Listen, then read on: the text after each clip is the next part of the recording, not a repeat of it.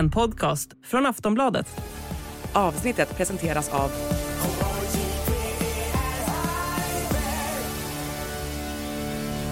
Stödlinjen.se, åldersgräns 18 år.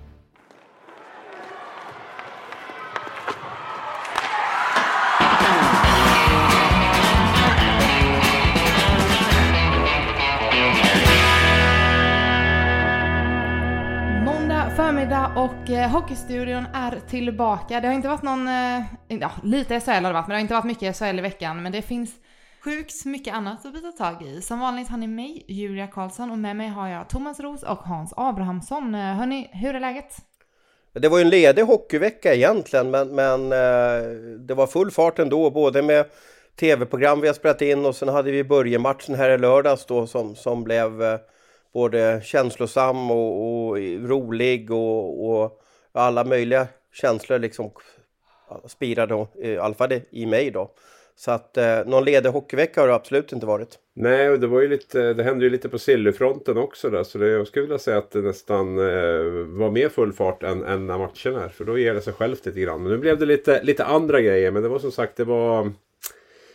Det var mäktigt att vara på plats i lördags måste jag säga. Det är väldigt sällan jag och Thomas jobbar tillsammans numera. Eh, men i lördags hände det faktiskt. Och eh, det var väl ett väl valt tillfälle känns det som. Man, man ville ju vara där för att ge det till Börje. Hänger du med? Så, så, så kände jag. Ja, Ja, jo, jag vet inte om det fanns väl de som, som, som, som betydde mer för än vad vi gjorde på något sätt. Men, men det var ju häftigt att vara med om upplevelsen framförallt tycker jag. Eh, att få vara en del av det där eh, fina arrangemanget som, som man hade gjort. Och eh, det var, det var en positiv känsla på något sätt mitt i all sorg också. Jag tyckte det var, alltså, alla var så hyggliga och bussiga. Det var lättjobbat och liksom Simor. Det var inga, inga liksom stängda dörrar på något sätt. Utan vi liksom, nej, det, var, det var väldigt positivt och sen eh, väldigt fin ceremoni. Men, men det som det handlade om innan Abris, vi hade ju några hockeymöten när vi satt och pratade om lite fördelar och nackdelar, ja och nej och sådär. Vad, vad, känner du nu om tröjhissningen? Var den så fel då? Nej, det blev ju väldigt, väldigt bra liksom i, i, i den stunden. Och, och börja, alltså det, det är det som sticker ut med allting. Att han är ju på en helt annan... Alltså, Börje är unik på det sättet. Alltså allt, allt han gör blir ju rätt. Eller allt de gör för honom blir rätt. Även det som skulle bli helt fel för 99,99% ,99 av övriga hockeyetablissemanget. Det blir rätt med, eh, med Börje. Och det, det vart väl förstärkt Kugg, ytterligare en gång nu i lördags. Ja. Kuggfrågan var ju det här Julia, att skulle man hissa Börjes eh, tröja till taket. Alltså han spelade ju inte så många matcher för Brynäs innan han liksom fick en fin karriär borta i Nordamerika. Och då var det ju, då var det ju snack på sociala medier att, att varför hissar man tröja nummer 17, Brynäs tröja nummer 17, eh, när alla andra som hänger i taket där i Monitor Arena uh, har så långa karriärer i Brynäs. Det var ju en diskussion innan, uh, men jag tror att den dog. Jag tror att alla tyckte att ja, men det här var ju helt okej. Okay. Men det är ju just med Börje också. Jag hade ett långt samtal med Niklas Lidström på fredag kväll där, där vi diskuterade det här och han, han, han uh, höll ju fast vid liksom att han tycker att det är en lång trogen tjänst i samma klubb. Det är som, som, som Börje i Toronto eller jag i Detroit. Liksom. Det, det är sånt som ska premieras tyckte han. Då. Sen eh, var han ju noga också med att säga att han liksom respekterar Brynäs val. Då. Men, men hans ståndpunkt var ju den. Och jag, jag håller med honom. Jag tycker precis likadant. Men det är det jag menar också att allt, allt blir ju rätt liksom när, när, när man gör det i, för Börje på något sätt. Då, då blir det på en annan, helt annan nivå. Liksom. Då, då, då faller alla, alla sanningar som man tror att man, man har. Så det, blev, det blev ju rätt. Och hans önskan som vi fick höra där var ju också att få hänga bredvid, bredvid brorsan Stig. Um, och med tanke på vad, vad Stig har gått igenom och vad de gick igenom som, som barn och allting med pappa som försvann tidigt. Så ja, nej, det, vart, eh, det blev bra. Sen um, Jon Henrik Fjällgren, alltså vilken pipa. Det var helt magiskt den, den jojken. Och att det passade in så fantastiskt bra i, mm. ihop med ja, men att Börje kommer från de trakterna och allting. Det var ju det som verkligen liksom grep tag och som blev det här. Eh, ja, som gör att det verkligen blev minnesvärt. Så jag måste bara lyfta på hatten för den som eh, kom på idén med det här och eh, framförandet inte minst av, av, av Jon Henrik. Grymt! Och lite upprättelse för Brynäs också. Det vart ju lite rabalder där runt. Ja, först med tröjhissningen av Ove Molin då som aldrig... Den fick inte upp vepan först. Och sen har man ju fått väldigt mycket kritik också då inför den här eh, tröjhissningen. Dels för det Thomas var inne på om tröjan ens skulle hissas. Och sen var det också diskussion runt en sån här replikatröja som, som man tyckte var för dyr eh, sett till hur mycket pengar som gick till ALS-forskningen. Ehm, så att eh, ja, det är inte... Jag tror, att de, jag tror att de drog in nästan 9 miljoner under lördagen. Ja, något sånt. Jag läste 10 till och med. Ja. Mm.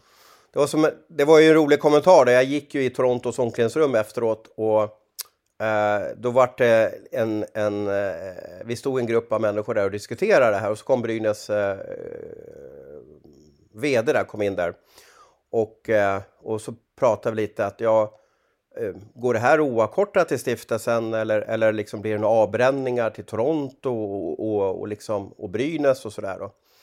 Eh, och då, då sa ju klubbdirektören att det, allt, går till, eh, allt går till stiftelsen, Brynäs tar ingenting. Eh, sen måste ju Brynäs ha kostnader, men det kanske man fick igen på, på biljettförsäljning och sådär. Jag vet inte då. Eh, men då var, då var det en spelare som skämtade och jag säger att det var ett, ett skämt, det fanns inget allvar i det. Så att säga. Ja, vi får se på måndag när Brynäs skickar ut pressmeddelandet att, att de har värvat en stor stjärna. Vem, var de tar de pengarna ifrån då? Och så skrattar all, allihopa då så att säga. Mm. Vi får väl se om det dyker upp något under dagen då med Brynäs. Vi får hålla lite koll. Precis, de, har, de har ju redan värvat en stor stjärna så det kanske går dit istället då. I alla fall en europeisk storstjärna i Jussi Olkinora då. Så att, eh... Jag, jag tycker att Börje har betytt så mycket för svensk hockey så man kan inte ifrågasätta att hans tröja ska upp i den klubb som, man ändå, som jag förknippar Börje med i Sverige. Jag, där står jag och där stannar jag. Eh, jag vet om att man kan vrida och vinkla det på att han hade fler matcher i AIK än man hade i Brynäs. Men han vann ändå två SM-guld med Brynäs. Och jag tycker att när man ser alla de här filmerna, när, när det var ju svartvita filmer, då har jag ju Brynäs-tröja på sig. Jag tycker att han har, att han har varit bra reklam för Brynäs ute i hela världen och han har alltid haft ett Brynäs-hjärta känns det som.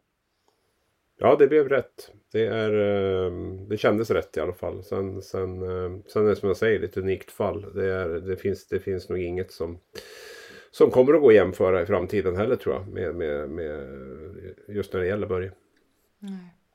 Och man måste ju också då, Eh, lång och trogen tjänst är ju viktigt, men det innebär ju att alla de här spelarna som är riktigt bra på hockey, alltså jättebra på hockey. Vi har ju 80 spelare i, typ eh, i NHL den här säsongen och vi har, har superstjärnor i Nordamerika som, som kommer ha typ hela sin karriär borta i NHL.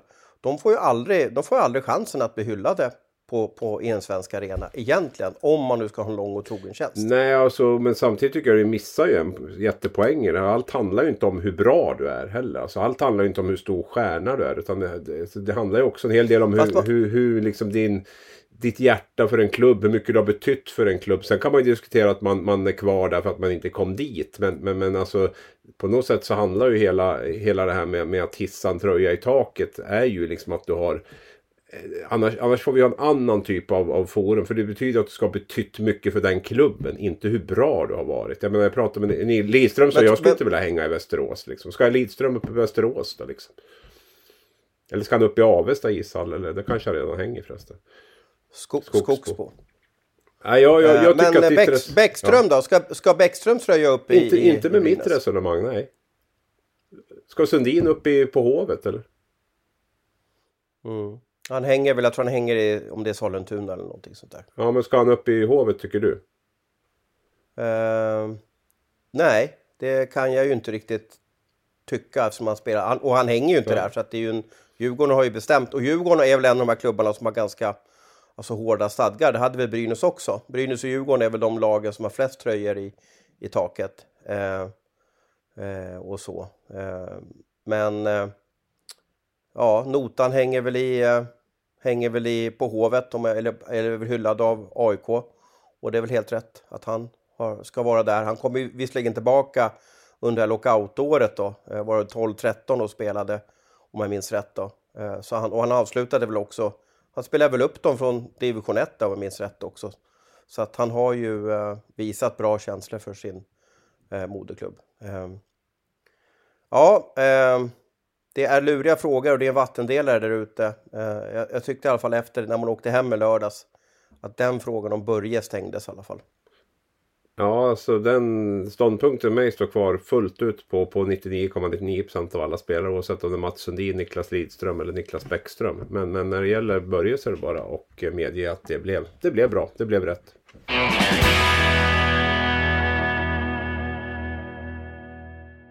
Och med det så tänker jag att vi um, går vidare till veckan som eh, gått lite grann. För även om det inte... Det har ju varit i sig en match mellan eh, Luleå och HV där i tisdags förra veckan. Jag vet inte om ni vill säga något ord om den? Uh, ja, nej men det var väl en, en en viktig poäng för HV kan vi väl säga. De fick väl ett lite gratismål på sista minuterna där egentligen. Det kändes som Luleå hade bra kontroll på den matchen men, men, men så blev det ett litet misstag eh, från Luleå och eh, så kunde HV kvittera. Sen tog ju Luleå bonuspoängen men jag tror att det var två rätt så nöjda lagen och HV fick ändå med sig en poäng. Luleå fick, fick vinna då till, till slut. Så det, de har, de har ju den där live-tabellen där på, på Svehockey som jag brukar följa med samtidigt som man kollar matcherna. Och HV hade ju tre poäng ett tag och då såg ju tabellen väldigt intressant ut. Nu fick de ju bara en poäng till slut då, men vi får se om vi får ett drama framöver i SHL på den, på den nedre regionen där. Om, om, det är ju nio poäng som ska delas ut den här veckan och mycket kan ju sätta sig nu för att gå HV tomma och, och, eh, och Brynäs vinner, då, då, då, får man nog väldigt svårt att hämta igen poängen. Mm. Ja, det är, en, ehm, det är en riktigt ruskig vecka som kommer och jag tänker att vi eh, kan gå igenom det lite senare, vad vi ser fram emot i veckan och så. Men eh, om vi tittar tillbaka på förra veckan, det har hänt, hänt ganska mycket. Det har skett ganska mycket förändringar, lite värvningar. Det är nu det börjar liksom puttra igång ordentligt med värvningarna. Deadline börjar närma sig. Uh, vi kan väl börja med att Joel Lundqvist avslutar karriären. Det tyckte jag ändå, kan inte säga att det kom som en chock, men tråkigt ändå. Han är ju en liksom, ikon. Han har skrivit ettårskontrakt på slutet här eh, och jag har ju träffat honom många gånger och gjorde en podd med honom här för något år sedan och då, då frågade jag honom när han skulle sluta och, och, och så vidare och han, han tog väl beslut tillsammans med familjen eh, efter varje säsong eller under varje säsong lite sådär att de skulle satsa ett år till. Eh, han lägger ju ner en väldigt stor han vill ju vara vältränad, han vill ha rätt värden, han vill kunna känna att han tillför och jag tror att han börjar känna att han hmm, det börjar liksom vara på slutet nu. Jag tycker det är starkt att kunna inse det. Nu har ju han spelat hockey så mycket längre än, en vanlig hockeyspelare gör. Men man gillar ju inte att se den här sista säsongen när en legendar inte riktigt hänger med. Uh, jag, jag, tyckte att Johan Davidsson spelade ett år för länge. Jag tyckte Fredrik Bremberg spelade ett år för länge. Uh, och det är nog väldigt lätt att göra det för att man ska spela ut sitt långa kontrakt. Man vill inte vara en svikare och bryta innan och sådär. Så jag, jag, jag eh, Eh, Joel gör helt rätt som hoppar av nu. Eh, den spelare jag vill nämna som jag tycker slutade absolut i rätt tidpunkt, han kanske kunde ha spelat fortfarande, det var ju Niklas Lidström. Eh, han, var bra alla år, han tog Detroit till slutspel under alla år. Sen slutade han. han kände nog, han var ju på en helt annan nivå, nivå än, än många hockeyspelare, The Perfect Human kallar han för, men han kände nog att nej, han har inte det där, det saknas lite, lite, lite, lite. Han var kung, men han kände att det saknade lite, lite, lite och då slutade han. Så han slutade när han kanske inte var som bäst, men nästan bäst i alla fall.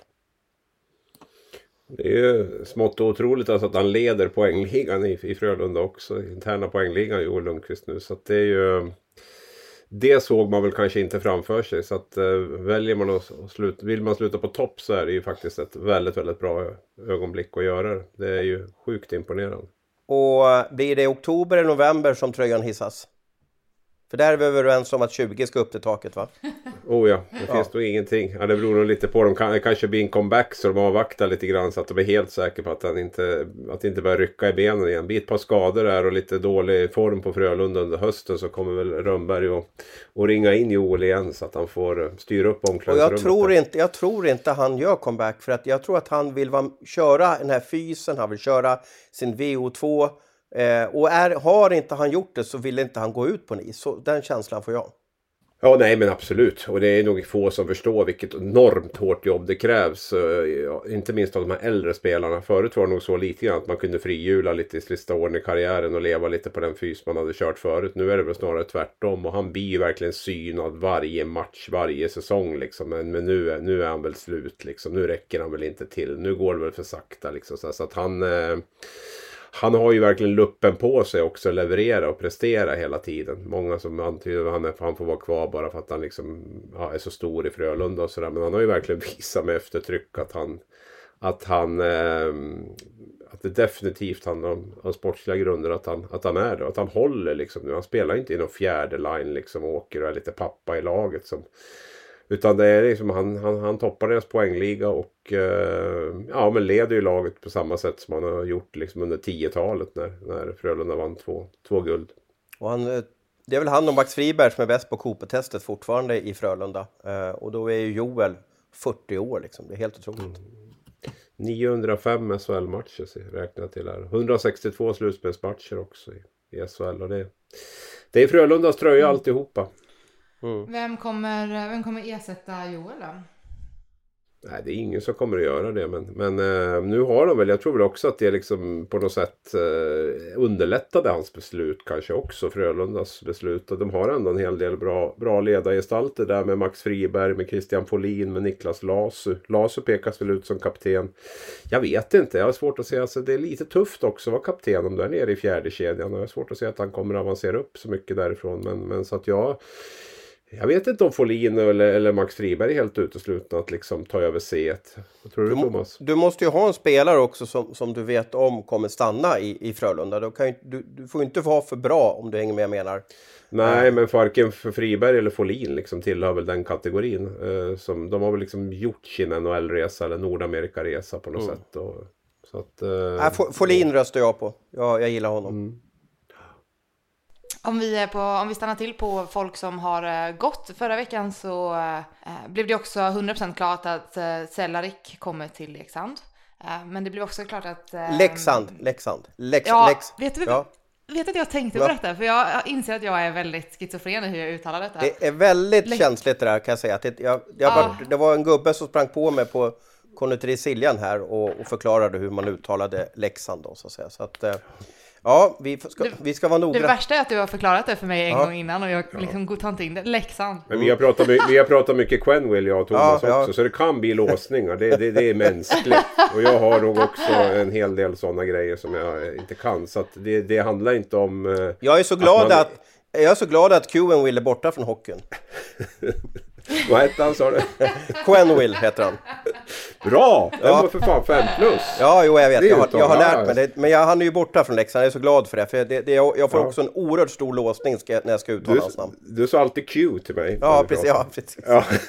Du, får säga, du får säga Läcke istället bara ja. Julia. Som du är osäker. Ja, ja. Läcke. Jag ska ja. säga det. Um, Nej, Carter Camper var det. Klart att... Mm. Ja precis, han drar ju. Ja. Uh, och vad, um, vad innebär det här nu då? Ja, jag vet inte. Fla flaggar de på halvstång i Leksand Thomas? Ja, men, ut? ja men alltså jag måste ju dra en liten spaning där för att eh, jag satte bilen ner till Stockholm och jag, och jag kunde faktiskt ha suttit på samma tåg som honom faktiskt. Det var, jag, jag valde om jag skulle ta bilen till Stockholm eller om jag skulle ta tåget och han kliver ju alltså på då.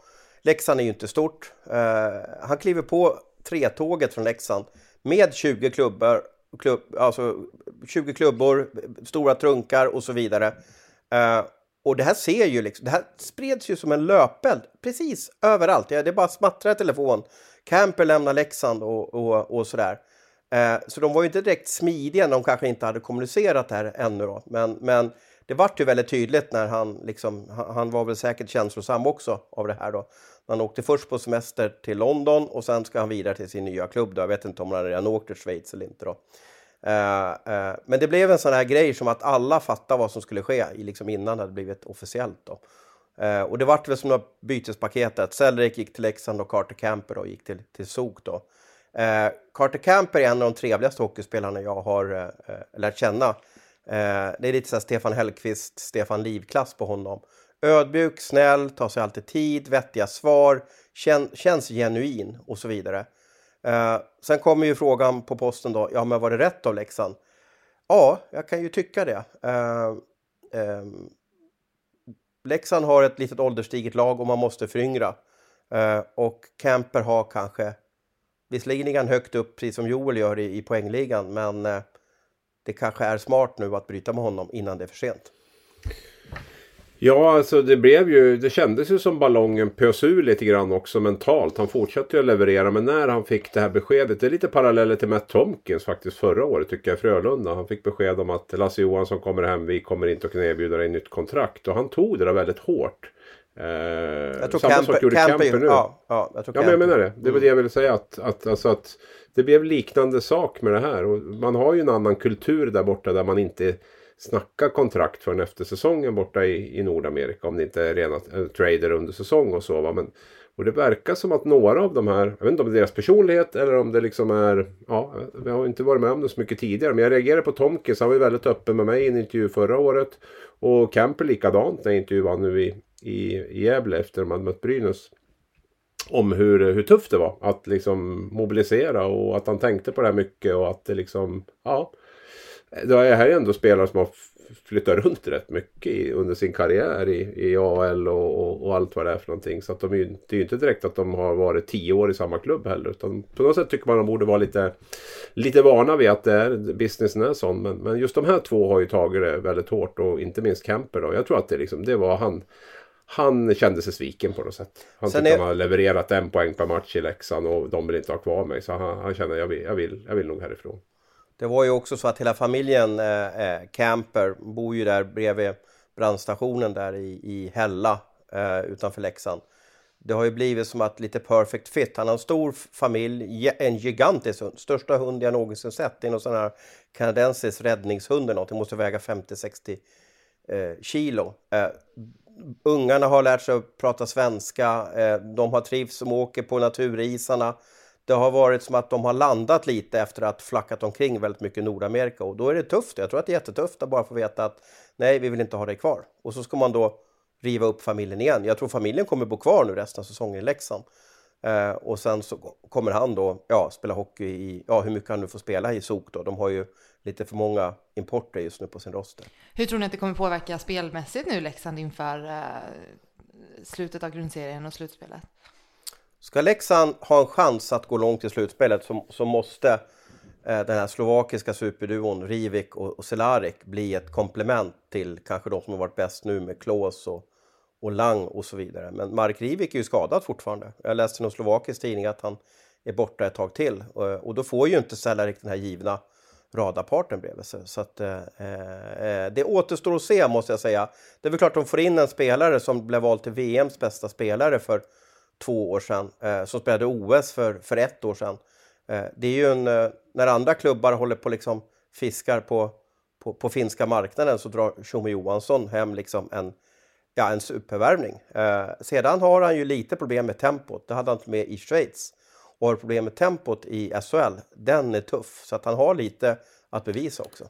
Vi har ju, Leksand har ju ett pussel att lägga där och liksom, jag tror ju att Ja, det gäller ju kanske mer att anpassa Rivik om man kan spela och Roma till, till, till det här sättet de har spelat nu på slutet. Camper har ju spelat här och det har fungerat bra med den kedjan han har varit och sådär. Så att eh, Camper kändes ju som ett säkrare kort än de två andra. Dels för att de är skadade och sen lite grann på hur, hur, hur, hur passar de in i nya Leksand? Jag citationstecken runt det här lite grann. De som har vunnit sju av åtta matcher och, och varit så här hårt jobbande kollektiv. Eh, så att ja, jag tror att Ja, det blir kanske inte lättare med Kempe borta heller. Det, det, det tror jag inte. Men eh, stor osäkerhet runt eh, både Rivik och Roma och eh, Selariks form är väl också lite frågetecken när man väl ändå säga att det har han gjort helt okej okay med poäng där borta. Men, men, men alltså, eh, ja vi får se. Handelsplanen är beroende också av att samarbetet med Rivik funkar.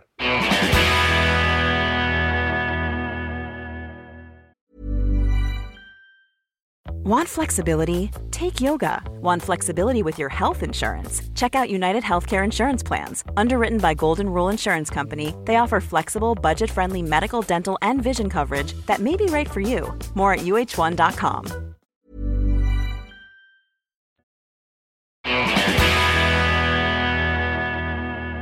Om vi går vidare till um Värvningen som har kommit in då. Eh, jag såg en flash från Expressen i morse att är, de har uppgifter kring att Åke Stakkestad är klar för HV71. Och dessutom förra veckan så kom det också att de lånar in backen Kalle Malatti. Ni får nog korrigera mina uttal mycket idag. Men eh, vad säger vi om, eh, vad säger vi om det här för HV? Det ligger väl helt i linje med hur Kent Norberg har jobbat under säsongen. Det känns som att det kommer in rätt mycket spelare. Uh, nu var väl Stakkestad till nästa säsong och uh, mm. finländske backen från Saipa är ju till uh, till den här säsongen. Då. Men eh, Viktor Andrén har vi också skrivit där att eh, har vi skrivit att eh, HV tar in nu här i så fort Almtunas säsong är över så kommer han in som reggad tredjemålvakt. Men det vet vi hur det gick med Adam Åhman förra året till exempel som, som var reggad tredjemålvakt och, och varit stor kvalhjälte för HV så att det, det kan bli att han spelar också. Nej men eh, jag, tror inte, jag tror inte Kent Norberg är färdig än. Jag tror att han eh, fick han ju en väldigt så här, jättetuff skada på André Petersson här också under landslagsturneringen här och vet väl inte riktigt just nu när det här spelas in statusen där. Men det är klart en knäskada som det verkar vara är väl kanske inte på, på André Petersson. Det var väl kanske det Kent Norberg minst av allt önskade inför, inför slutspurten här. Det är ju en del spelare som är på marknaden nu. Vi har ju Axel Holmström då som det stod i finsk media att han var klar för Björklöven. Eh, jag hörde väl att Björklöven och Örebro låg på honom. Eh, eh, nu gick eh, Axels agent där ut och dementerade och sa att han inte var klar någonstans. Jag, jag messade lite med Axel igår och det, du vet, det, är, det är en dubbeleffekt med det där. Först ska ju klubben, eh, den finska klubb som han tillhör då, Sport, ska ju komma överens med en ny arbetsgivare, det vill säga att någon ersättning ska utbetalas. Sen ska ju Axel själv vilja spela för det är ju inte så att det inte funkar inte som i NHL att man bara kan slänga iväg spelaren, spelaren hur som helst utan, utan klubbarna måste vara överens och spelarna och klubben måste vara överens. Uh, och då ryktas om att Axel ska till Björklöven och den blir ju jättekänslig uh, eftersom Axel förknippas så starkt med Skellefteå som är Björklövens största rival. För då kanske Sport och Björklöven kommer överens men Axel känner att det här är inte rätt att spela för, för Björklöven, det, det vill jag inte. Nej, det är ju Skellefteås guldhjälte spelar upp um spelar upp Björklöven. Men samtidigt, mm. Skellefteå har väl kanske inte sprungit benen av sig efter Axel Holmström heller de senaste ja, och han var i han, sig lite han, besviken Ja, och han var i HV också så att det kanske mm. har suddats bort lite. Men jag såg mm. ju att eh, de skriver ju på sociala medier att snälla Axel går inte till Löven och då är det ju tufft att gå dit alltså. Mm. Var det någon annan värvning förra veckan som eh, överraskade er? Ja, Simon Hjalmarsson till Rögle ryktas det ju om då. Eh, det visar mm. ju lite att Rögle trycker också in allt, att om man ska till slutspel eller man försöker rädda säsongen. Det här är ju spelare som har gjort bra ifrån sig i, i uh, finska ligan, eller okej okay ifrån sig, eller nej, bra ifrån sig får man säga, att de ligger ändå topp 15 i poängligan. Men det är ju spelare som har ratats av svensk hockey i, i höstas som anses lite för dålig för, för att ha en toppplats i, i, i svensk hockey i höstas. Så det är väl klart att det är chansningar. Samtidigt är det ju ganska billigt, det är två månadslöner kvar. Det kan bli succé. Eh, Axel vet vad målet är, Simon är spelskicklig. Eh, det kan ju bli succé. Och man kanske måste bredda truppen också för att inte vara så känslig mot skador. Mm. Alltså jag tänker på Hjalmar, han har 34 år, han har kontrakt två år till nu då med, med sport. Man funderar lite grann på vad, vad det är som, är det de här extra pengarna så att man kan dra på en en häftig utlandsresa i sommar eller är det liksom glädjen att spela hockey eller tänker han att det höjer hans marknadsvärde på något sätt att han kanske kan bli kvar. Jag vet inte om han har någon out kanske så att han eh, om han nu skulle imponera här i SHL att han skulle kunna få ett SHL-kontrakt. Vad, vad, vad, tror du Thomas? Liksom... Jag, jag, tror att det är hockeyutmaningen. Det är ändå februari nu. Det är bara mitten av februari. Det är väldigt långt kvar av säsongen. Och eftersom sport då bevisligen liksom, man kan ju inte åka ur den finska ligan, de har ingenting att spela för. De, de har gett upp allting. Då är det klart att då kanske det är roligare att spela hockey två månader till. Eh, jag tror ju familjen måste ju också vara, tycka till om det här, om man bara ska liksom riva upp barnens skolgångar och, och allting bara för att leka i Örebro två månader. Så kan man ju tycka det hela i alla fall. Eh, jag tror att det måste vara hockeyutmaningar som man tänder på.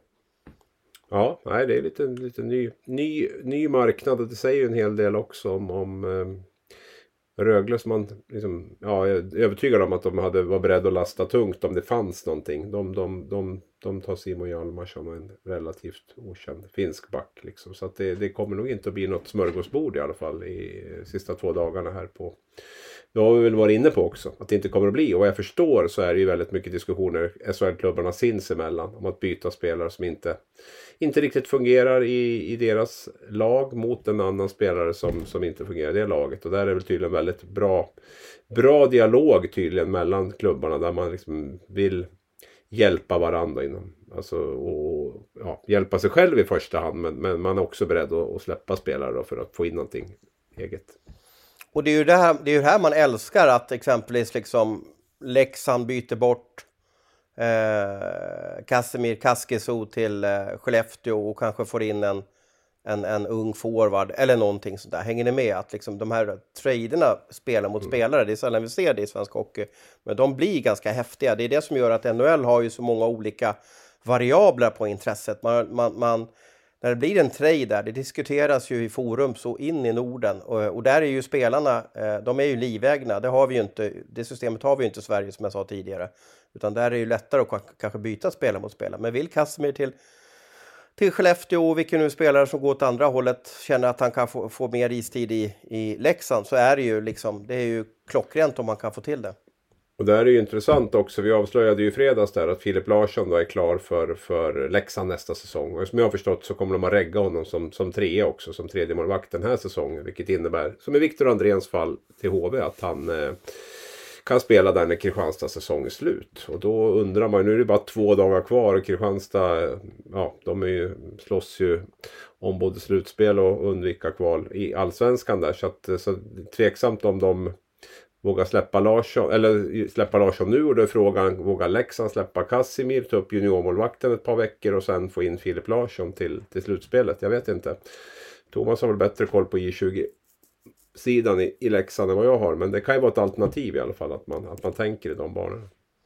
Eh, det är ju inte bara heller att flytta upp J20-målvakten. Då måste man ju kolla på djupet i- på Leksands junior.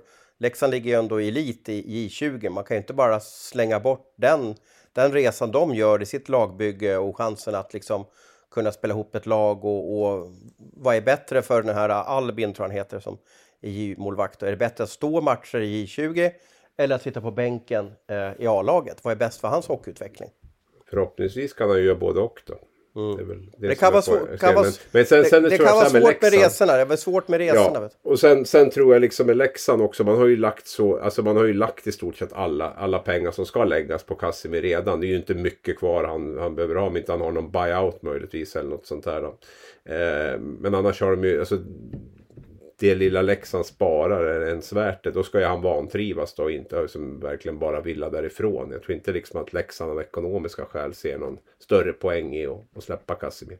Men de har väl redan betalat ut liksom, vad blir det, 22 av 24 månadslöner. Liksom. Så att det är väl bara och rulla på eventuellt då. Men det handlar ju också om att det, vi kan inte ha en som går runt och är sur och, och inte vill spela där och det kan ju dra ner laget rätt rejält. Så att vi, vi får väl kolla, kolla vad som händer. Sen är det ju Skellefteå och Timrå, de måste ju göra något på målvaktssidan. Rautio lämnar ju där och eh, Skellefteå eh, kommer ju inte att gå in i slutspelet med bara Hällnemo och Linus Söderström. Det, så är det ju. Och eh, det lutar väl lite, det känns väl som att det kan bli finländskt eventuellt på båda platserna om jag Ja, skulle jag tro. Men eh, vi får se. Det kan ju vara någon allsvensk lösning Mm. också. På tal om Skellefteå där, eh, Linus Högberg kommer ju spela resten av säsongen.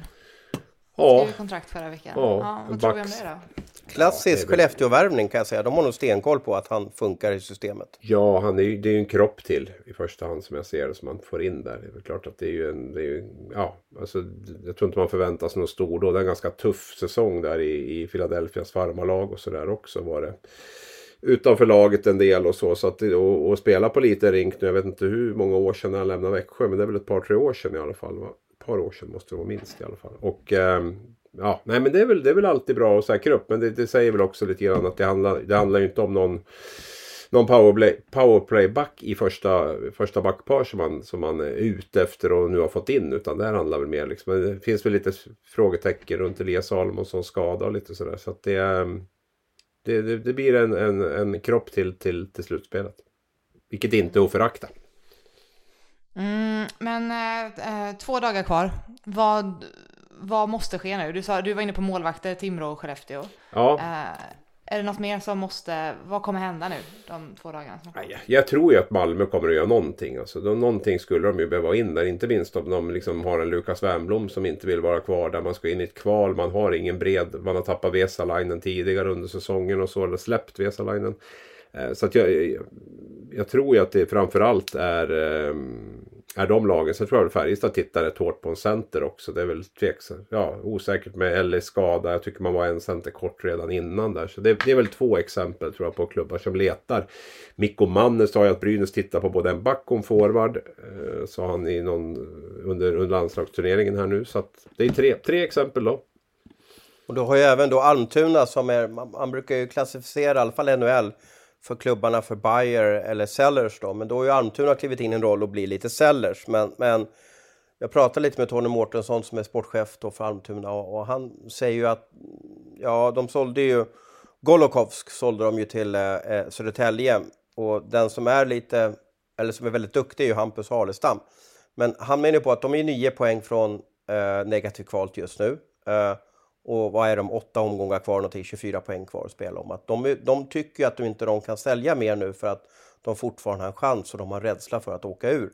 Men visst, det kan ju bli så klockan sju på, på onsdag när transferfönstret eller dörren stängs, alltså den stängs vid midnatt där på onsdag. Och det kan ju vara så att om de vinner den här matchen på onsdag och, och kanske Östersund då förlorar så är man 12 poäng eh, från negativt kval och då kanske man kan alltså sälja Hampus Halestam då till Örebro eller, eller Södertälje eller någonting.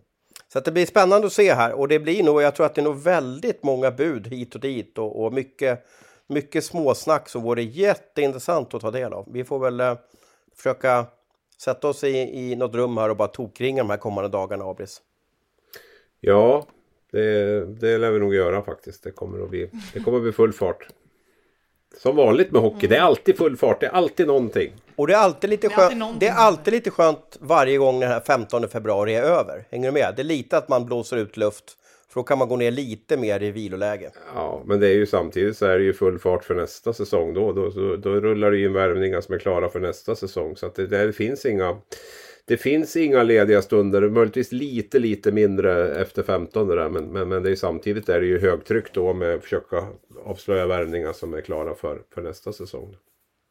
Eh, vi ska, innan vi går vidare från värvningarna, jag hade ett namn till jag hade skrivit upp och det var eh, att Jens Löke var klar för Björklöven. Ja, Eh, vad, vad känner vi kring den? Jag tror väl lite grann som Thomas var inne på att det handlar väl om att eh, tre parter ska vara nöjda ungefär. Alltså sport ska få eh, det, det pengar de vill ha, Löke ska hitta en klubb han vill spela för och eh, och eh, det, ja, det ska vara en klubb till då, som, som är beredd att betala de här pengarna. Så jag tror väl att Brynäs var ett alternativ, eller vi vet att Brynäs var ett alternativ för det. Det kan väl vara förvånad över att inte att man inte väljer kanske SHL-spel i sin hemstad då före, före allsvenskt spel med, med, med en tidigare konkurrent. Då. Löke var ju i Timrå och mötte Löven. Sådär. Men jag tror att det handlar mycket om också hur mycket var Brynäs beredd att betala kontra hur mycket var Björklöven beredd att betala. Jag tror att Björklöven var beredd att betala både mer till Löke och till Sport. Om jag Sen om jag vore Jens Löke också, jag har ingen aning om hur hans familjesituation ser ut, så, så har ju Björklöven en roligare resa framför sig än vad Brynäs har. Brynäs kan ju egentligen bara rädda upp säsongen, kan man säga så? Att, att, att man, kan Ja. egentligen, man kan egentligen bara missa negativ kval. Och hamnar man i negativ kval, ja du vet ju hur det går då. Då, kan, då vågar man ju inte gå ut. Och är man Brynäs-spelare då så åker man ju inte till nian och handlar. Man håller ju, man håller ju sig hemma då. Ja, nej, det är ju en jättepoäng i det. Och det, framförallt så vill du kanske inte vara spelaren som, som spelar ner liksom Brynäs i SHL om du kommer från stan heller. Så att det finns ju också en mycket högre fallhöjd med att eh, komma hem till, till Gävle på det sättet. Då. Så det, det är en alldeles riktig poäng.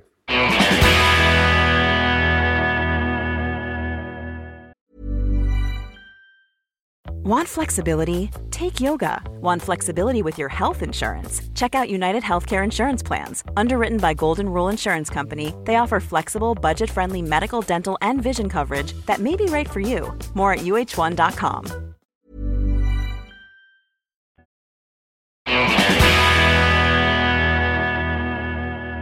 Jag tänker att vi ehm, kan väl passa på att stanna till lite på Hockeyallsvenskan. För är det en serie som inte stod still förra veckan så är det ju den. Eh, Det känns som att eh, topp 6 i eh, Hockeyallsvenskan just nu är ju, det är helt sjukt spännande. Ja, men det är stanna där också. Det känns som att det är klart vilka topp 6-lag det blir i alla fall. Va? För det är ett väldigt stort glapp ner till, till, till sjuan där. Men, men det är där runt, runt de här sex lagen. Och det kommer att bli viktigt naturligtvis. Ehm, hur, det kommer att, hur, det kommer, hur de kommer att placera sig.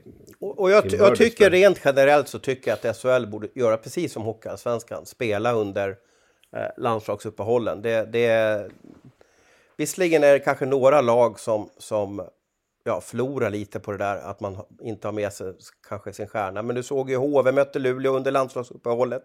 Då hade var, André Petersson och, och Brännström var med, det vill säga en, en storspelare från vardera lag.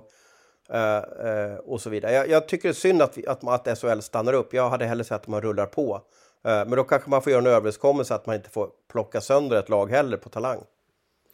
Och det var väl säkert ingen slump heller att det var en stjärna från varje lag som var med där på något sätt. Jag tror att man hade snackat ihop sig om, om, om det. Att då blir det ganska, ganska jämnt. Man visste att de här två lagen skulle mötas. Och nu Halland vill ha alla spelare på plats där. Vilket man också kan diskutera. Så, så um, så vart väl det en, en, en bra uppgörelse tyckte de då. Jag, jag, ty, alltså jag, jag tycker det, det, är för mycket som står på spel också om man nu inte har en exakt liksom att man tar spelare från varje lag som möter varann. För ska man göra upp om slutspelsplatser och ena laget kanske saknar två nyckelspelare liksom, och, och det andra laget har alla med. Kanske HV och Brynäs möts under ett landslagsuppehåll och de André Petersson och en till med HV. Det blir ju, det blir ju helt fel också. Så att jag, jag vet inte. Jag, tycker att det, jag tycker att det är svårt med de här landslagsturneringarna. Jag tycker att det är um, Eh, dra ner farten lite på SHL faktiskt. Man har, att, väl, eh, man har väl möjligheten också att göra som Oskar Möller, tacka nej?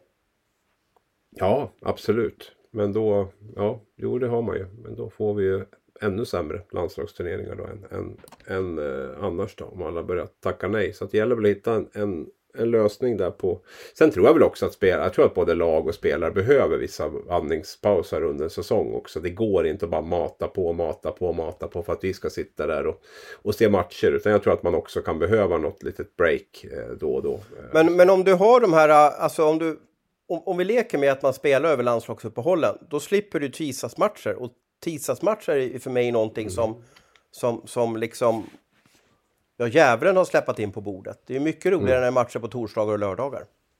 Ja, jo, du, du har en poäng där. Det håller jag också med om att, de, att man skulle kunna sprida ut det. Men nu har man ju ett avtal också så det går väl inte bara att braka på Thomas tror jag. Hur ligger det till med det där? Man har ju ett Nej. avtal med, med förbundet va? så att det går inte bara att göra som man, som man vill. Eh, det handlar ju om reklam, alltså tv-intäkter och, och tv-avtal som man har fått, fått eh, förhandla själva kontra att man släpper spelare till fastställda landslagsuppdrag. Och det blir väl kanske knepigt om man bara tar det ena och inte ger det andra. Visst är det så. Eh, eh, har man bara lite känsla när man är förbundskapten så tycker jag att, alltså tycker jag att SHL borde kunna spela under eh, ja, landslagsuppehållen. Och det var ju också Eh, nu, nu, är det ju inga svenskar i KHL längre och det, det förändrar ju lite bilden också. Förut kunde man ju göra så att man tog den här turneringen i Ryssland som alltid var under ja, strax, innan, strax innan jul. Då kunde man ju ta spelare från Ryssland och, och spela en turnering med. Och då kunde ju egentligen SHL ja, fortsätta som vanligt. Nu är det ju inga, ja, det är ju, det är ju inte ens, Ryssland är ju inte ens med i den här eh, unionen längre och eh, det finns ju knappt några svenska spelare heller. Så det blir ju liksom en inte-fråga. Men... men nu gjorde man ju exakt likadant i Schweiz då. Så mm. då tog man ju bara schweiziska spelare i decemberuppehållet och, och SHL spelade ju under det uppehållet. Så det är väl klart att det är väl någonting att titta på. Sen tror jag att under sin egna hemmaturnering så vill man nog inte att SHL, alltså svensk, Sveriges egen hemmaturnering, så vill man nog inte att SHL rullar samtidigt. Man har nog tufft nog ändå att skapa bass runt det där. Och, mm. Eh, så att jag tror nog att vi får se mer av att SHL kanske rullar under de här turneringarna på, i november och december. Men att eh, februari blir lite öronmärkt. Sen måste man ju kanske syna landslagshockeyn också. Eh, den här turneringen som är på hemmaplan nu spelas ju inte ens i vår nationalarena för ishockey. Det vill säga Avicii Arena, eller det som vi kallar för Globen. Eh, det spelas ju liksom i, i Malmö nu uh, uh, och jag tror inte ens Stockholm vill ha den här turneringen för att det, de har så svårt att locka folk till dem. Så man kanske ska fundera på det om, om det kanske är bättre att ha ett dubbelmöte med Finland. Uh, så Sam Hallam får testa lite spelare. Det kanske är hetare än att liksom ha de här turneringarna.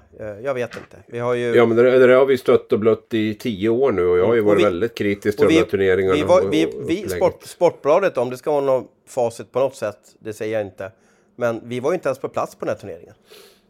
Nej, och det är väl lite grann nu när Ryssland är borta dessutom då, eh, med all rätt naturligtvis ska vi understryka, så, så blir det ju sportsligt blir det ju eh, inte mer intressant om man säger så. Ryssland var väl ändå det laget som, man, som, som var laget att slå på något sätt i de här turneringarna som, som, som spelar en väldigt attraktiv hockey tycker jag. Och så, där. Så, att, eh, så det har väl också ja, dragit ner. Det, det, det gör jag ju också mycket med att jag tycker man ska titta på de här alternativen med, med dubbelmöten och framförallt med Finland. Och verkligen försöka då att man eh, har lite kortare samlingar men att de, all, de bästa alltid är på, på plats. Liksom. Alltså man har så hög nivå det kan på, på det här. Jag menar Finland kom väl med ett lite reservbetonat lag till, till Beijer nu med topp 6 av deras poänggörare i, i Schweiz var exempelvis inte med här och sådär. Så att det blir lite lite, eller ganska mycket devalverat allting. Och eh, sen är det väl kul att Tre Kronor far och, far och vinner de här matcherna. Och jag förstår att det är viktiga matcher för, för förbundskapten och för, för ledarstaben. Det jag har jag inga problem med. Det har jag slagit fast massvis med gånger. Men, men eh, att skapa ett bredare intresse än så är, eh, är tufft. Bra start för Sam Hallam som förbundskapten i alla fall. Jag minns ju när Johan Garpenlöv startade för om det är tre år sedan nu eller fyra år sedan var, då, då torskade mm. han ju direkt och det vart liksom lite ja. negativt. Och ja, det, och samtidigt det, så blir jag lite så här, ja, jag fortsätter. Jo, det där blöta skynket låg ju över Johan hela tiden. Sen, sen blev det ju en mm. förbundskaptenskarriär som kanske inte går till historieböckerna som den bästa och mest framgångsrika. Uh, och jag tror den här dåliga starten stressade honom liksom hela tiden. Ja, jag vet inte. Samtidigt känner jag liksom att nu, nu hyllar man lite Halam och man skriver om det och sådär. Och, och det är väl bra så. Men alltså det, det resultatet som, det, det, är ju VM som gäller för honom. Om han har vunnit tre Euro Hockey-turneringar under säsongen är det ingen som bryr sig om om det går dåligt på VM. Men för hans egen del är det väl lite självförtroende naturligtvis. Han, han, han kan ju bygga en stomme och så. Så det är väl klart det är mycket bättre att vinna än att förlora. Men, men eh, facit facit förbund, förbundskapten sätts ju av ett VM. Och eh, ett VM är du ju väldigt beroende av är du väldigt beroende av eh, vilka spelare som kommer loss. Så det är ett jättesvårt jobb att, eh, att eh, för det är så lite som ligger i dina egna händer känns det som ibland. Och, och det här tror jag ju, eh, om vi kollar på vilka spelare som ligger i de här lagen som troligtvis missar slutspel. Mm. jag menar det är uh, Anaheim ligger dåligt till, Columbus ligger dåligt till, Vancouver ligger dåligt, San Jose ligger dåligt till. Och jag tror att den, det bästa han kan göra nu, eh, samma lam, det är ju att sätta sig och åka över till Vancouver och, och pra, småprata med Elias Pettersson. Han känner ju ändå honom från Växjö. Få honom att tidigt säga ja till VM. För då skickar man ut en signal till, till liksom alla NHL-spelare att oj då, Elias kommer. Eh, han kanske är vår bästa NHL-spelare just nu. Eh, ja, men då vill jag också vara med. Och sen kanske svänga förbi San Jose också och prata med Erik Karlsson och lyssna lite mer vad han har för tankar. Han är på väg att bli tradad nu då. Uh, ryktas ju om Edmonton för övrigt då. han har ett väldigt speciellt kontrakt, Erik, så att man får betala jättemycket om man vill ha honom. och det kanske blir för dyrt sådär. Men får man Elias Pettersson och Erik Karlsson att säga tidigt ja, ja till VM, då, då har Sam alla möjligheter att bygga ett superlag till Tammerfors. Det var ju intressant där också, för Erik Karlsson har ju varit lika intresserad av, av VM-spel som du och jag har varit av eh, Tärnabys syklubbsförening, typ ungefär så här, fram till förra året. Då han plötsligt eh, eh var sugen på VM-spel igen. Jag tror inte han spelade sedan 2012 eller något sånt här i det här eh, eh folktomma VMet i Globen. Och, men då var han sugen, så vart han ju skadad tyvärr. Så då kunde han ju inte vara med. Men, men det är ju ändå en, en, signal. För jag har ju alltid sagt Erik Karlsson kan ni glömma på VM. Han vill göra annat efter säsongen när han spelar VM. Men, men nu var han ju sugen redan förra året. Och, eh, och nu är han ju...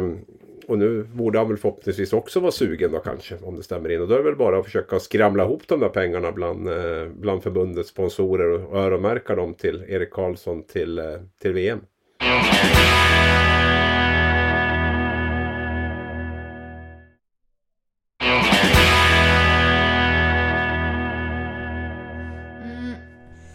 Men um, hörni, det var Hockeyallsvenskan vi var på. Jag gillar att... Um, var det så? Vi spårade iväg till Tre Kronor ändå. Hur hamnade vi här? På topp top 6 i Allsvenskan så hamnar vi på Erik Karlsson. Ja, men hur gick det och, till? är, vi, är, vi, är, vi, är, vi, är vi helt galna? Hur, hur gick det till? Svårstyrda. Det här är story. Ja. Oh, det här är liksom, nej men det är så det alltid händer i det här programmet. Ja, det är det. Ja. Är, är, det ping, ja, pingpongjärnor eller vad är det för något? Mm. Jag menar. Men jag tyckte det, det var ganska underhållande. Jag tänkte vi ser hur, långt, hur länge vi liksom kan hålla på.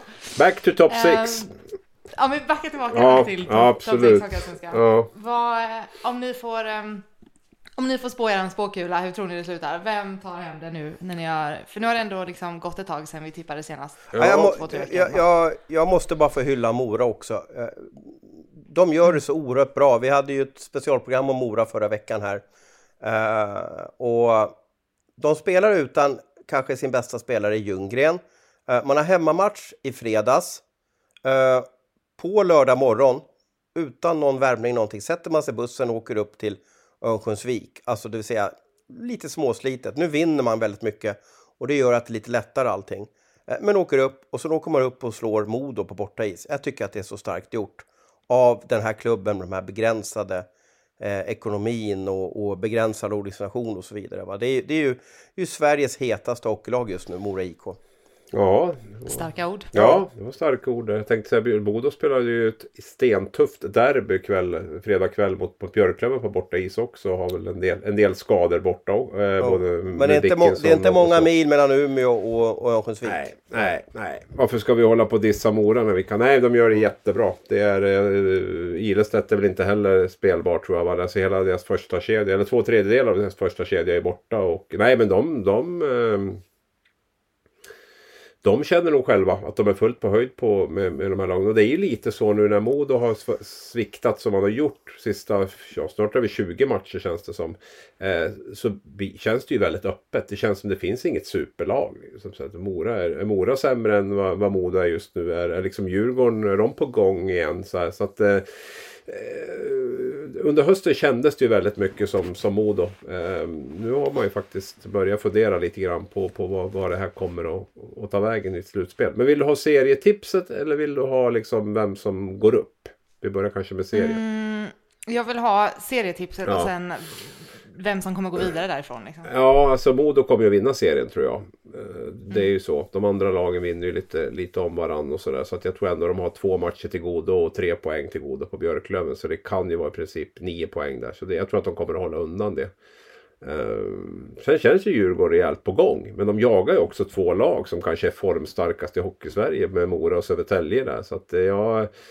Och Karlskoga inte minst är ju också enormt formstarkt. Så att... Eh, Bro, det här... eh, Jag, jag, jag vet inte, Modo vinner i alla fall. Och topp 6 är ju klart liksom där. Och, och, och sen tror jag på... Jag har ju sagt en final mellan Djurgården och Björklöven tror jag inför säsongen. Så att jag får väl stå fast vid det då. Just nu har vi Södertälje-Djurgården i en kvartsfinal också. Det är ju, eh, ja, den, den blir häftig i... i Mm. Ja, det blir en det. batalj också. Och, eh, Mora, Karlskoga, Södertälje, Djurgården just nu. Så vi kan väl nästan hoppas att det slutar som det, som det ser ut nu då. Mm, tabellen. Almtuna, tror jag inte kommer bry sig så mycket om den här åttondelsfinalen. Eh, men det kanske blir AIK och, och Vita Hästen då, som går vidare och möter Modo och Björklöven. Eh, Modo måste ju få ihop det här eh, igen. Eh, de tränar ju visst inte ner sig har jag hört, utan det är bara att det har pendeln har svängt. Kanske, Eh, de värvade ju in den här backen från eh, Västervik, Brickley. Eh, han kanske passar, passar bättre i ett system där han får spela väldigt mycket. Inte att spela i andra eller tredje backpar eller någonting då. Ehm, och så. Ehm, Matte Wennerholm, vår kollega, trodde att Djurgården skulle reda upp det här till slut. Och, och, få, och få dem tillbaka, de får ju så sjukt mycket skadade spelare. Får de tillbaka allting och har en vinnande trend, slår ut Södertälje, eh, kommer till en semifinal mot, mot Löven. Alltså det är väl klart att man måste nästan säga att Djurgården är favorit i den, i den serien. Oavsett vilket lag man möter så tror jag Djurgården blir favorit. Så att eh, vi säger väl Djurgården-Modo i en final då och, och sen tror jag faktiskt Djurgården om de lyckas liksom reda ut det här, att få ordning på det, slå ut Södertälje, då tror jag de får en sån positiv trend att de blir svåra att stoppa. Mm, och ditt eh, finaltips där Abris, vem, eh, vem kommer ta hem det i så fall? Jag tippade ju Björklöven inför säsongen så att jag kör på den då. Eh, nu- Du håller fast? Ja, men det är lika bra. Det är bättre att ha fel en gång än två gånger. Tänker jag. Så att jag, jag kör på mitt, mitt grundtips där. Det känns som att det är så ovisst nu också. Så att jag har ju pendlat där mycket med, med Modo naturligtvis. Men, men jag, vi kör väl på ursprungstipset. Mm, det ska bli sjukt eh, spännande. Jag tänker vi ska, vi kanske inte ska lämna Hockeyallsvenskan innan vi pratar om eh, Ja, det var du som tog upp innan programmet egentligen, Abris, där med Isak Pansare. Just det. Ja, Ja. Ja. Ja. Eh, vad, Ja, jag det- fastnade nu är det så med här det, för jag tyckte Ja. det verkar sjukt spännande. Ja, vad, ja. vad hände där egentligen? Ja, alltså fördelen nu är att du har ju en expert i ämnet med oss i, i, i den här podden. Och det är ju Är Thomas. då. Ja, han kan ju förklara först och främst. Så kan jag gå in lite med sen. Nej, men han kan förklara i grova drag. Eh, alltså Isak Pansar eh, hade ju en intervju då kan väl jag säga. Där han var kritisk mot, mot Vi- herrarna i Stockholm. som Vi måste, ju, vi måste ju spela upp den i alla fall så folk får höra. Ja, ja vi gör det. Mm, jag, vi, jag klipper in Ni den får här. den här. ha en fyra till men ja, det är inte domarnas fel utan det är de där jävlarna som sitter uppe, uppe i Stockholm eller vars fan de nu är som sitter och ringer ner och sånt där. Här tränar vi varenda jävla dag på att vi ska driva mot kassen så tar man bort ett klockrent hockeymål. Så nej, det är det där att pissa på svensk hockey tycker jag. Ja, han var som sagt eh, förbannad som ni hör på, på, eh, på herrarna i Stockholm då. Och De, jä, de jävlarna, i, de, Ja, jä, de jävlarna. Ja. i Stockholm också. Ja, ja Och absolut. att de, de pissar på svensk hockey. Ja. Och, eh, och det här tyckte ju inte svensk hockey om. Utan, och då, då, då blir, han har ju blivit anmäld nu då. Om det är han och Tingsryd eller om det är han speciellt. Du, du får ta över här nu Thomas och förklara exakt den här gången. För den är annorlunda än i SHL. Ja, och det är väl också en... Eh, det här är ju en frågeställning som har många nivåer.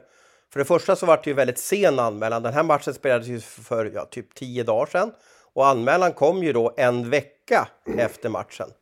Eh, det vill säga samma dag som Tingsryd hade en, en, en, en viktig match. Så det satte väl liksom tränare Glader och hela Tingsryd i en speciell sits när man åker på det här. Och det är ju så att vi har ju någonting som heter disciplinnämnd som sköter vad man gör på isen. Det vill säga att slår man ner en spelare så, så blir man anmäld till disciplinnämnden och så bestämmer, man, så bestämmer de eh, hur många matchers avstängning man ska ha och hur mycket böter man ska ha. Böterna är ju, är ju, är ju beroende på vilken, vilken inkomst man har från hockeyn. Eh, Men sen finns det ju saker som sker, eh, typ Karlin slängde han in blocket på isen eller, eller vad han gjorde. Ja, Saker är- taktiktavlan. Ja, så, svårt att liksom säga vart ska det här tas upp någonstans. Och då har man då i svensk hockey, det var SHL som började med det, att man eh, eh införde ett disciplinråd. Då.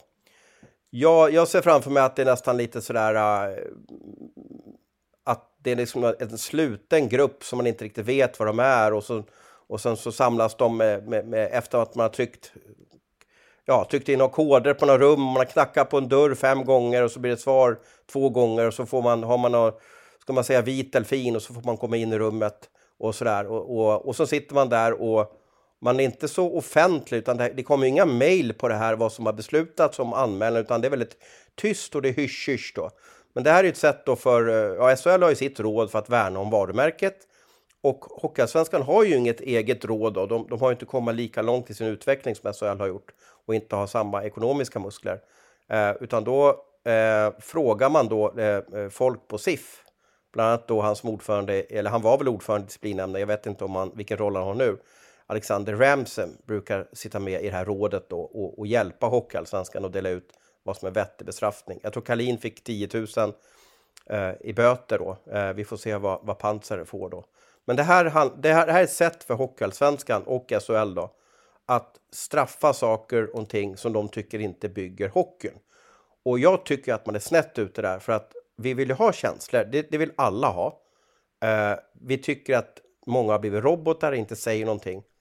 Uh, och ja, han kunde ha valt kanske några, några ord lite annorlunda, Isak här.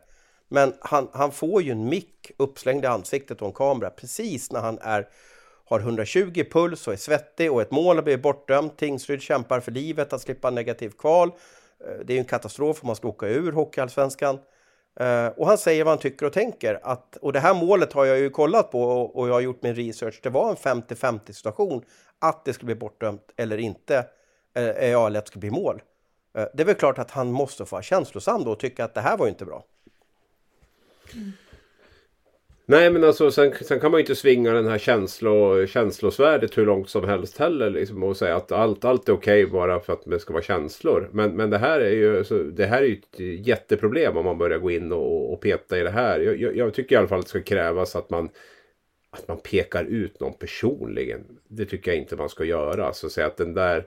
Det här är ju, per Claesson är en jävla skitdomare liksom. Där, där tycker jag gränsen går för mig. Men att liksom att säga det här, det är ju en allmän... För det första, vi vet ju inte vilka som sitter i situationsrummet ens en gång. Det finns ingen som blir utpekad, det är ju hemligt. Alltså han, han, han, han svingar mot de här hela, hela institutionen uppe i Stockholm. Det är som att säga att liksom, ja de jävla medierna i Stockholm liksom så här, då ska, då ska liksom Aftonbladet känna sig utpekad eller Thomas ska känna sig personligt utpekad och det ska liksom bli, bli, bli böter för det. Så där, där är ju, det är ju ett självmål utan dess like måste jag säga. Och det, jag, jag tycker, ska, vi, ska man ha de där intervjuerna i, i samband med, med periodpaus och slutsignal då, då, då måste man eh, svälja den typen av grejer. Tycker jag. Alltså ska en svordom liksom, eller, eller liksom en, vara tillräckligt då är det då tycker jag ska lägga ner. Och sen är det ju rim och ransoner i hela. Vi säger att Isak Panzer tjänar 28 000 i månaden. Eh, jag höftar, jag har ingen aning vad han tjänar. Och så får han böter på 25 000. Eh, eh, det, är ju, det är ju nästan som två nettolöner för honom som han ska pröjsa för att han har bara varit ärlig och kanske bjussat på känslor i Simor. Jag, jag tycker att det slår väldigt fel. Mm. Det låter helt sjukt, eh, tycker jag. Jag kan hålla med. Vad, när kommer... Men domen har inte kommit. Det vet man ju aldrig. Det här är ju bara en ren ah. slump om det kommer ut. alla andra domar skickas ju via, via Svehockeys, deras nya eh, informationstjänst. Men de här domarna eh, ramlar man ju bara över eh, om man har tur på något sätt. Då. Jag funderar också lite grann på det här. Alltså, för jag vet ju att det var ju det som startade allt det här för 10-10 år sedan minst. Där ju Challe Berglund gjorde en intervju minns jag. Och då, då drog man ju så långt som det här med yttrandefrihet. Liksom, vad man får, får, får säga. Och han, han blev ju friad där. Alltså, han, han hade ju rätt att säga det till, till medier.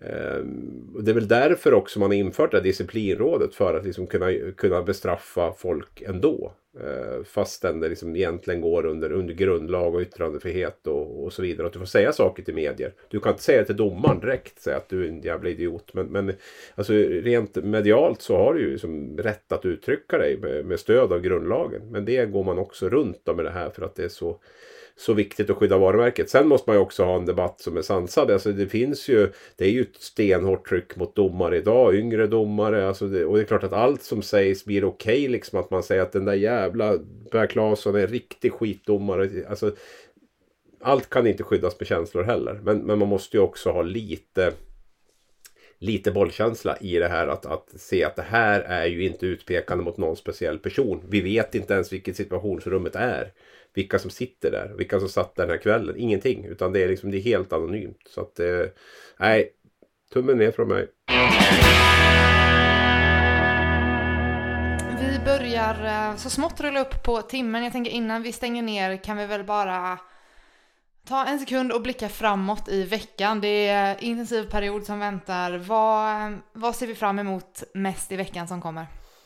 Vi är ju så, eh, vad ska man kalla det för, nedsvärta eller vad man kallar det för, eh, av att bevaka det negativa kvalet, det vill säga de lag som hamnar där.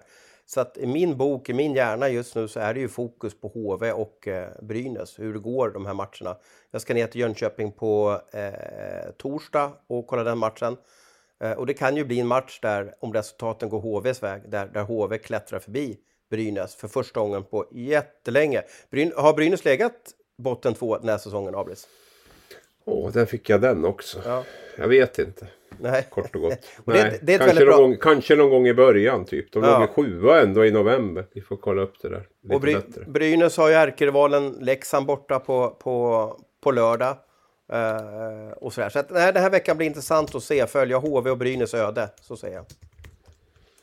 Ja, det är ju så. Så är det ju. Det är två anledningar för mig. Jag, jag tycker likadant. För, eh, nummer, anledning ett är att slutspelet kommer att vara dunderfokus på framöver här med de, med de topplagen. Nummer två också är att det här är ju skarpt läge på riktigt. För mig är ju det här liksom... Elitidrott för mig det är ju att se vilka levererar bäst när det är som allra tuffast. Eh, när pressen är som hårdast. Eh, och jag det, det, är tufft att kämpa om SM-guldet då, men det är walk in the park jämfört med att sätta hela sin klubbs existens på, på, på spel. Snudd på i alla fall. Så att eh, det här, är, här får vi verkligen se vilka, vilka är det som... Är det de bäst betalda spelarna som, som kliver fram och, och, och, och är viktiga för sin klubb här nu veckorna framöver i de här två lagen. Mm. Om ni får titta i spåkulan inför veckan och eh, gissa på hur det kommer se ut om en vecka när vi sitter här igen. Vad kommer ha skett veckan? Kommer Brynäs mm. eller kommer det vara HV som har? Oh. Ja, ungefär, ungefär oförändrat säger jag. Ja, att det kommer vara en tre poäng emellan. Brynäs har en match mer den här veckan också. Då. HV har en, spelat en match mer redan. Så de är lediga på lördag. Eh, Men jag skulle tro att avståndet är ungefär detsamma. Varför är de lediga på lördag, HV? Vi har Nej, inte CHL-finalen Jo, då. precis. De mötte Luleå, Luleå. där Ja. och, och Luleå Ja. ska ju spela CHL-final då på, Ja. på lördag så då kan man inte spela hockey. Ehm, eh, i, i, de här poängen, jag har ju sagt så många gånger, de här poängen är så svåra att hämta in och det talar ju, talar ju emot HV71. Eh, man hade tre poäng ett tag borta mot, eller mot, när man spelade mot Luleå, eh, men tappade och fick bara en poäng. Och det är så här det blir hela tiden, det är så svårt att hämta igen. Och med det så stänger vi igen Hockeystudion för den här veckan. Tack Thomas Roos, tack Hans Abrahamsson, tack till alla er som har lyssnat. Som vanligt, har ni frågor, tankar, kommentarer, hör av er till någon av oss. Så hörs vi igen om en vecka. Du har lyssnat på en podcast från Aftonbladet. Ansvarig utgivare är Lena K Samuelsson.